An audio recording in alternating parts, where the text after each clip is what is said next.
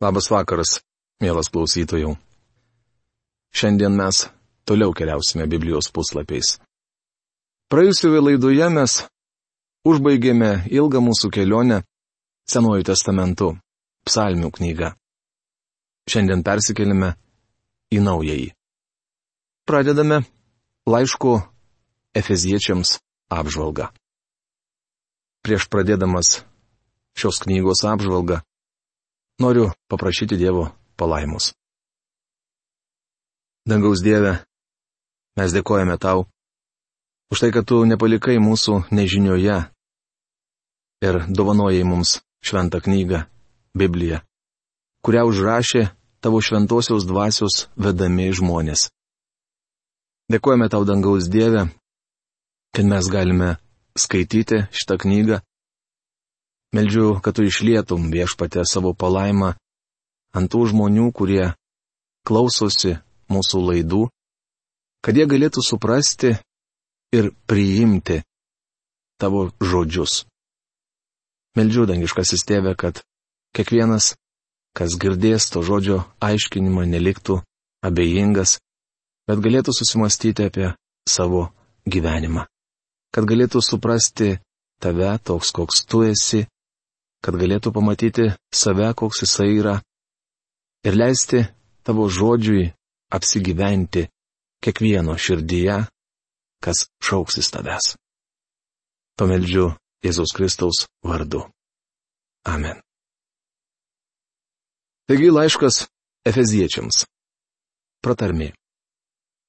62 metais po Kristaus keturi vyrai, palikę Romą, leidosi į tuometinę Mažosios Azijos provinciją, kuri šiandien žinoma Turkijos vardu. Kiekvienas iš jų su savimi pasiemė po rankraštį su didingiausiomis krikščioniško tikėjimo tiesomis. Jei šie dokumentai būtų išlikę iki mūsų dienų, šiandien jie turėtų neįkainojamą vertę. Romos valdžia nesuvokė, kokie svarbus gali būti nežinomo kalinio laiškai.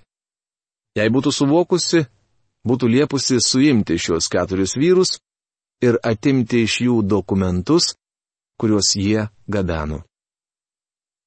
Atsisveikindamas su šiais vyrais, apaštalos Paulius įdavė kiekvienam po laišką, kurį jie turėjo nugabenti į tam tikrą sritį.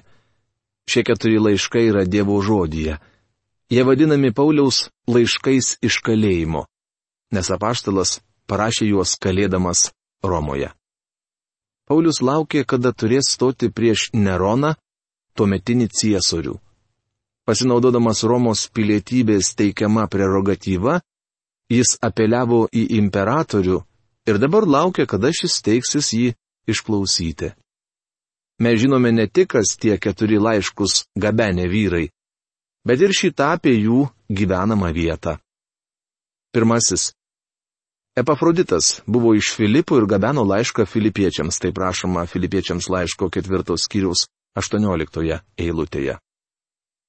Antrasis Tichikas buvo iš Efezų ir gabeno laišką Efeziečiams. Efeziečiams laiško 6 skyriaus 21 eilutė. Trečiasis Epafras buvo iš Kolosų, jis gabeno laišką kolosiečiams. Žiūrėkite kolosiečiams 4 skyriaus 12 eilutę. Ketvirtasis Onesimas buvo iš kolosų pabėgęs vergas ir turėjo nunešti laišką savo šeimininkui Filemonui. Žiūrėkite, laiškas Filemonui, dešimta eilutė. Šiuose laiškuose kalbama apie sudėtingą Kristaus, bažnyčios ir krikščionių gyvenimą, parodoma, kaip visa tai tarpusavį susiję. Minėtieji skirtingi veiksniai atskleidžia aukščiausio lygio krikščionišką gyvenimą. Laiškė Efeziečiams matome bažnyčią kaip Kristaus kūną. Tai neregimoji bažnyčia, kurios galva Kristus. Laiškė Kolosiečiams apibūdinamas Kristus kaip kūno bažnyčios galva. Čia didžiausias dėmesys skiriamas Kristui, ne bažnyčiai. Laiške Efeziečiams akcentuojamas kūnas, o laiške Kolosiečiams - galva. Laiške Filipiečiams aprašomas krikščioniškas gyvenimas kurio varomoji jėga yra Kristus. Aš visą galiu tame, kuris mane stiprina, rašoma Filipiečiams ketvirtos skyriaus 13 eilutėje. Laiške Filemonui kalbama apie krikščionišką gyvenimą pagoniškoje visuomenėje. Filemonui, kuris buvo Onesimo šeimininkas ir krikščionis, Paulius rašė. Tad jeigu laikai mane bičiuliu, priimk jį kaip mane, o jeigu jis yra tau padaręs skriaudą ar turi skolos, įrašyk tai į mano sąskaitą. Filemonui laiškas 17-18 eilutės. Pirmajame amžiuje Evangelija buvo ne tik skelbiama, bet ir praktikuojama. Ir jį pasiteisino. Būtent apie tai mes ir skaitysime laiške feziečiams. Laiške feziečiams apie bažnyčią kalbama kaip apie Dievo kūrinį. Slėpinį, kuris nebuvo atskleistas Senajame testamente. Žiūrėkite feziečiams laiško antros kiriaus dešimtą eilutę. Į nuostabesnį už bet kokį žmonių rankomis pastatytą pastatą. Bažnyčioje pastatytoje iš gyvų akmenų gyvena šventoji dvasia. Tai Kristaus kūnas pasaulyje turintis grumtis su velnio klastomis ir gyventi taip, kaip gyventų jis. Vieną dieną bažnyčia bus paimta iš pasaulio ir pristatyta Kristui kaip nuotaka. Daktaras Arturas Pirsonas laišką Efeziečiams pavadino Pauliaus laišku iš trečiojo dangaus. Šis dokumentas dar vadinamas Naujojo testamento Alpėmis. Tai viso šventojo rašto kalnyno viršukalnė. Tai laiškas apie bažnyčią. Daugelis Biblijos tyrinėtojų laiko jį biblinės tiesos, biblinio apreiškimo apogėjumi. Galimas dalykas taip ir yra. Kai kurie net mėgino tvirtinti, jog šis laiškas toks gilus, kad jį suprasti gali tik išrinktieji. Pastebėjau, jog tie, kurie taip sako, visuomet prie mažos išrinktųjų grupelės priskiria ir save. Atvirai kalbant, aš net nebandysiu sudaryti jums įspūdžio, kad galiu nusileisti iki šio laiško gelmių ar pakilti į jo aukštumas. Tai didingas ir veržlus laiškas. Skaitant jį darosi sunku kvėpuoti, nes oras čia labai retas. Mes pasistengsime kiek įmanoma geriau jį suprasti, pasikliaudami šventąją dvasę. Man kelis kartus teko viešėti Turkijoje ir turėjau privilegiją aplankyti visų septynių mažosios Azijos bažnyčių apylinkės. Daugiausiai laiko praleidau Efeze. Džiaugiausi, turėdamas progą aplankyti garsų į Efezo miestą, kuriame kitados buvo įsikūrusi didžiausia iš septynių mažosios Azijos bažnyčių. Antrosios misijų kelionės metu šventoji dvasia neleido Pauliui vykti į Azijos provinciją, kurios centras buvo žymusis Efezo miestas. Jie perėjo Frygiją ir Galatijos šalį, nes šventoji dvasia draudė jiems skelbti žodį Azijoje, rašoma apaštalų darbų 16 skyriaus 6 eilutėje. Šventoji dvasia užtvėrė kelią ir sakė Pauliui, dabar negali tenai eiti. Mums nepaaiškinama kodėl, tačiau žinome, kad Dievas tobulai parenka tinkamą metą. Į Efezą Dievas siūs Paulių vėliau. Taigi apaštalas pasuko vakarų kryptimi į Makedoniją, aplankė Filipus, Berėją, Atenus ir Korintą, o grįždamas užsuko į Efezą, kuriam atsivėrė nuostabios galimybės. Atvykęs į Efezą jis atsiskyrė nuo palidovų, nuėjo į sinagogą ir ėmė skelbti žodį žydams. Rašoma paštalų darbų knygos 18 skyriaus 19 eilutėje. Paulių taip sužavėjo misionieriško darbo galimybės Efeze, kad jis pažadėjo sugrįžti čia, ką ir padarė trečiosios misijų kelionės metu. Atvykęs į Efezą antrasyk, apaštalas sužinojo, kad po jo pirmo apsilankimo čia pabuvojo kitas misionierius, Apolas, kuris paskelbė Efeziečiams tik Jono krikštą, o ne viešpatės Jėzaus Kristaus malonės Evangeliją. Matote, tuo metu Apolas dar nežinojo apie viešpatį Jėzų nors vėliau tapo didžiu Evangelijos skelbėju. Efeze Paulius pradėjo sėkmingą tarnavimą. Dviejus metus jis pamokslavo tirano mokykloje ir Evangelija prasiskverbė į visus Azijos provincijos centrus. Matyt, tuo metu Pauliaus tarnavimo dėka įsikūrė bažnyčios, kurioms buvo skirti antrame ir trečiame prieiškimo knygos skyriuose užrašyti laiškai. Apsilankęs Turkijoje, Pamatęs tas vietovės ir perskaitęs daug knygų apie tame krašte atliktus archeologinius kasinėjimus, padariau išvadą, kad visų laikų didžiausias evangelinis tarnavimas vyko ten, kur dabar yra Turkijos teritorija. Anuomet toje srityje gyveno milijonai žmonių. Tai buvo pats Romos imperijos centras. Graikų kultūra suklestėjo vakarinėje dabartinės Turkijos pakrantėje, kur buvo įsikūręs garsusis Efezo miestas. Tai buvo žymus kultūros ir religijos centras. Dėl malonaus klimato šis miestas buvo mėgstamas įvairaus plauko lankytojų. Čia atostogaudavo net Romos imperatoriai. Štai į tokį miestą sparčiu žingsniu įžengė viešpatės Jėzaus Kristaus Evangelija. Efezas buvo svarbiausias mažosios Azijos, o gal net visos rytinės Romos imperijos dalies miestas. Savo svarbą jį pranoko tik Roma. Šį miestą maždaug 2000 metais prieš Kristų įkūrė Hetitai. Ilgą laiką tai buvo rytietiško, azijietiško stiliaus miestas, kol apie tūkstantuosius metus prieš Kristų į jį neįsiveržė graikai. Tenai susiliejo rytų ir vakarų kultūros. Kiplingas klydo sakydamas, rytai yra rytai, o vakarai yra vakarai. Šis dviejatas niekuomet nesusitinka. Tačiau Efeze jie susitiko. Šį ilgą, maždaug pustrečio tūkstančio metų laikotarpį Efezas buvo vienas iš didžiųjų pasaulio miestų. Tai buvo uostas, kurį ilgainiui užpylė sąnašos. Šiandien Efezas nėra uostamestis. Jį nuo vandenino skiria beveik 10 km. Tačiau kai šiame mieste lankėsi Paulius, jis galėjo priplaukti prie pat dailaus balto marmuro kelio. Šiai plačiai gatviai grįsti marmuras buvo tiekiamas iš akmens skaldyklos ties Priono kalnų. Efeze stovėjusi Diano šventikla buvo vienas iš septynių senovės pasaulio stebuklų. Tai buvo didžiausia šventikla, kokią kada nors pastatė graikai keturis kartus didesnė už Partenoną, nors labai į jį panaši. Efeze stovėjusios Diano šventyklos išmatavimai buvo 127 metrais su 72 metrais. Ji buvo pastatyta virš pelkės ant dirbtinio odų ir medžio anglies pamato, kad nesugriūtų nuo žemės drebėjimo. Efezo gyventojai pasistengė, kad šventykla būtų meniška ir prabangi. Aplink ją stovėjo 127 grakščios kolonos, kai kurios iš jų įmantriai išraižytos ir nudažytos. Šventyklos viduje buvo galima pamatyti daug meno šedevrų. Pavyzdžiui, Apelio paveikslą, kuriame pavaizduotas žaibas vėdžiantis Aleksandras Didysis. Šventyklos viduje stovėjo Dianos stabas.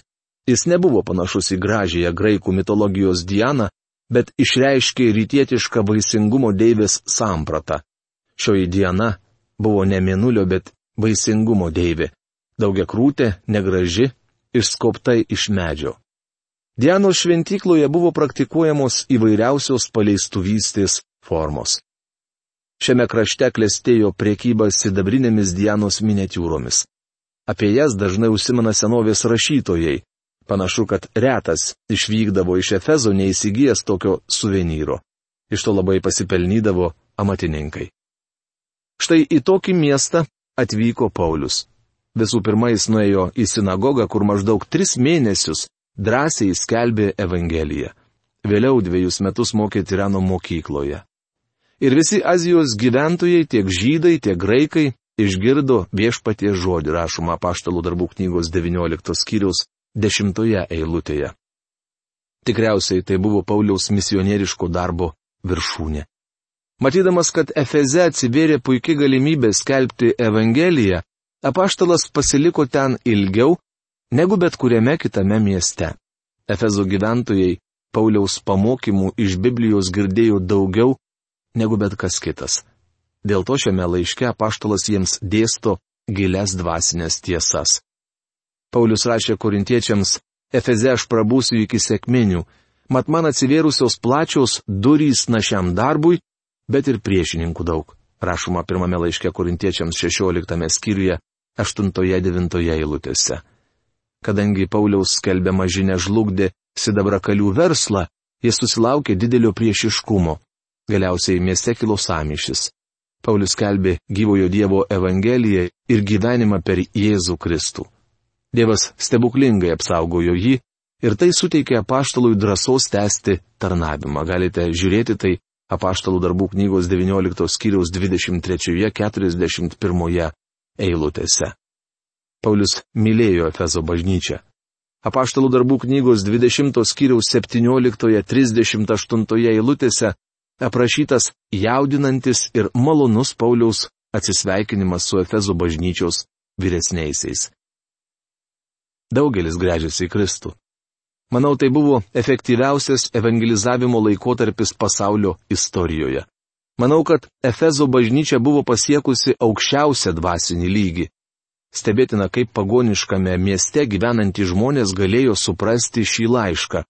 Juk Paulius nebūtų jiems rašęs to, ko jie nebūtų pajėgę suprasti. Bet to reikėtų atkreipti dėmesį, kad apreiškimo knygoje iš septynių bažnyčių, perteikiančių mums visą bažnyčios istoriją, Efezo bažnyčia paminėta pirmoji. Efezo bažnyčia buvo pasiekusi aukščiausią dvasinį lygį. Šiandien mes su jumis negalime pasiekti to aukšto dvasinio lygio, kurį Dievo dvasia buvo išūkdžiusi Efezo tikinčiuosiuose. Jie mylėjo viešpati Jėzų ir prie jo šliejusi. Aš daug metų tarnavau pastoriumi ir man patinka tarnauti šiandieninėse bažnyčiose. Visgi turiu pripažinti, kad nūdien mes esame toli nuo Kristaus asmens. Mes taip susižavėję programomis, bažnytiniais darbais ir tarnavimais, kad vis tolstame nuo Kristaus asmens. Svarbiausias klausimas - kaip stipriai mes jį mylime. Paulius rašė Efeziečiams, kad Kristus mylėjo bažnyčią ir atidavė save už ją. Ar mes gražiname šią meilę? Ar atsakome jam tuo pačiu? Ar galime pasakyti, aš myliu jį, nes jis pirmas pamilo mane? Laiškas Efeziečiams turėtų priartinti mus prie Kristaus. Anot kritikų Biblijoje yra dvi knygos, kurių neįmanoma suprasti. Tai laiškas Efeziečiams yra prieiškimas Jonui. Liberalios teologijos šalininkai tvirtina, jog apreiškimo knyga tai yra neiššifruojamų simbolių kratinys. Dar jie teigia, kad laiškas efeziečiams pranoksta mūsų supratimą, mums nesuvokiamas.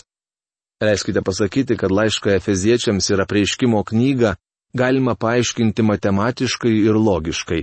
Tai pačios logiškiausios knygos. Man jau seniai įgriso klausyti žmonių tvirtinimų, Aš tikiu Bibliją nuo pirmo puslapio iki paskutinio. Jiems visai nenutuokiant, kas parašyta tuose puslapiuose. Tai tik tušti tauškalai. Tas, kuris tiki, jog Biblija Dievo žodis, bandys išsiaiškinti, kas joje sakoma. Užuot ieškoję metodų, kaip susikalbėti su jaunaja karta ar kaip organizuoti bažnytinę veiklą, turėtume gilintis į šventąjį raštą. Norėdamas padėti žmonėms suprasti biblinės tiesas, parašiau knygą, kurią pavadinau Biblijos santrauka. Joje galima rasti kiekvienos Biblijos knygos planą, kuris daugeliui turėtų būti naudingas. Sudarydama šios planus pastebėjau, kad lengviausia buvo suskirstyti laišką Efeziečiams ir apreiškimo knygą. Žinote kodėl? Todėl, kad šios knygos itin logiškos. Neapsimetinėsiu, kad suprantu viską, kas juose parašyta, sakau tik tiek, kad jos logiškos ir jas lengva suskirstyti. Paulius logiškai dėsto mintis laiškė Efeziečiams, o apreiškimo knygoje tą patį daro Jonas. Jonui buvo liepta aprašyti tai, ką jis buvo regėjęs, tai, kas yra ir tai, kas dar bus. Ja galima labai aiškiai padalinti į tris dalis. Be to, apreiškimo knyga sudaryta septynetų principų. Kas gali būti paprasčiau? Laiškas Efeziečiams taip pat labai logiškas. Iš šešių skyrių pirmieji trys yra doktrininiai - apie dangišką į bažnyčios pašaukimą. Kitose trijose kalbama apie žemišką bažnyčios gyvenimą. Tai labai praktiška dalis. Matote, bažnyčia turi galvą. Ši galva Kristus, kuris šiandien yra danguje. Mes tapatinami su juo. Tačiau bažnyčios kojos stovi ant žemės. Paulius nepaliko mūsų sėdėti padangėse, jis sako, elkitės kaip dera jūsų pašaukimui, Žiūrėkite Feziečiams laiško ketvirtos skyriaus pirmą eilutę. Kitaip tariant, krikščioni, gera sėdėti padangėse ir puikuoti savo padėtimi Kristuje, tačiau būk malonus, nusileisk nuo piedestalo ir imk vaikščioti. Mums reikia prisiminti, kad Pauliaus dienomis tikintieji gyveno pagoniškoje romėnų visuomenėje. Taigi pirmoji laiško Efeziečiams dalis - doktrininė, antroji praktinė. Tai labai logiškas suskirstimas. Mums reikia ir vieno, ir kito. Neturime gyventi vien pirmais trimis skyriais. Jie nuostabus, tačiau žinia, kurią juose skaitome, turi tapti kūnu, virsti realybę. Doktrininė dalis taip pat labai logiška. Pirmame skyriuje bažnyčia vaizduojama kaip kūnas, antrame kaip šventykla, trečiame kaip slėpinys. Prieėję praktinę dalį matome, kad bažnyčia sudaro nauji žmonės. Jie turi atskleisti pasauliui kažką naują. Penktame skyriuje aprašoma bažnyčia kaip nuotaka. Nesusidarykite klaidingos nuomonės, kad bažnyčia yra nuotaka jau šiandien. Taip tikrai nėra. Antro laiško korintiečiams 11 skyriaus antroje eilutėje Paulius rašo. Mat aš jūs sužėdavau su vienu vyru, su Kristumi, ir turiu pas jį nuvesti jūs kaip skaičią mergelę. Kitai žodžiai tariant, jis sako, šiandien sužieduoju jūs su Kristumi ir vieną dieną bažnyčia taps jo nuotaka. Šeštame laiško efeziečiams skyriuje apie bažnyčią rašoma kaip apie karį. Vienas gudročius išgirdęs, kaip aš suskirščiau laiško efeziečiams, pasakė, tai įdomu.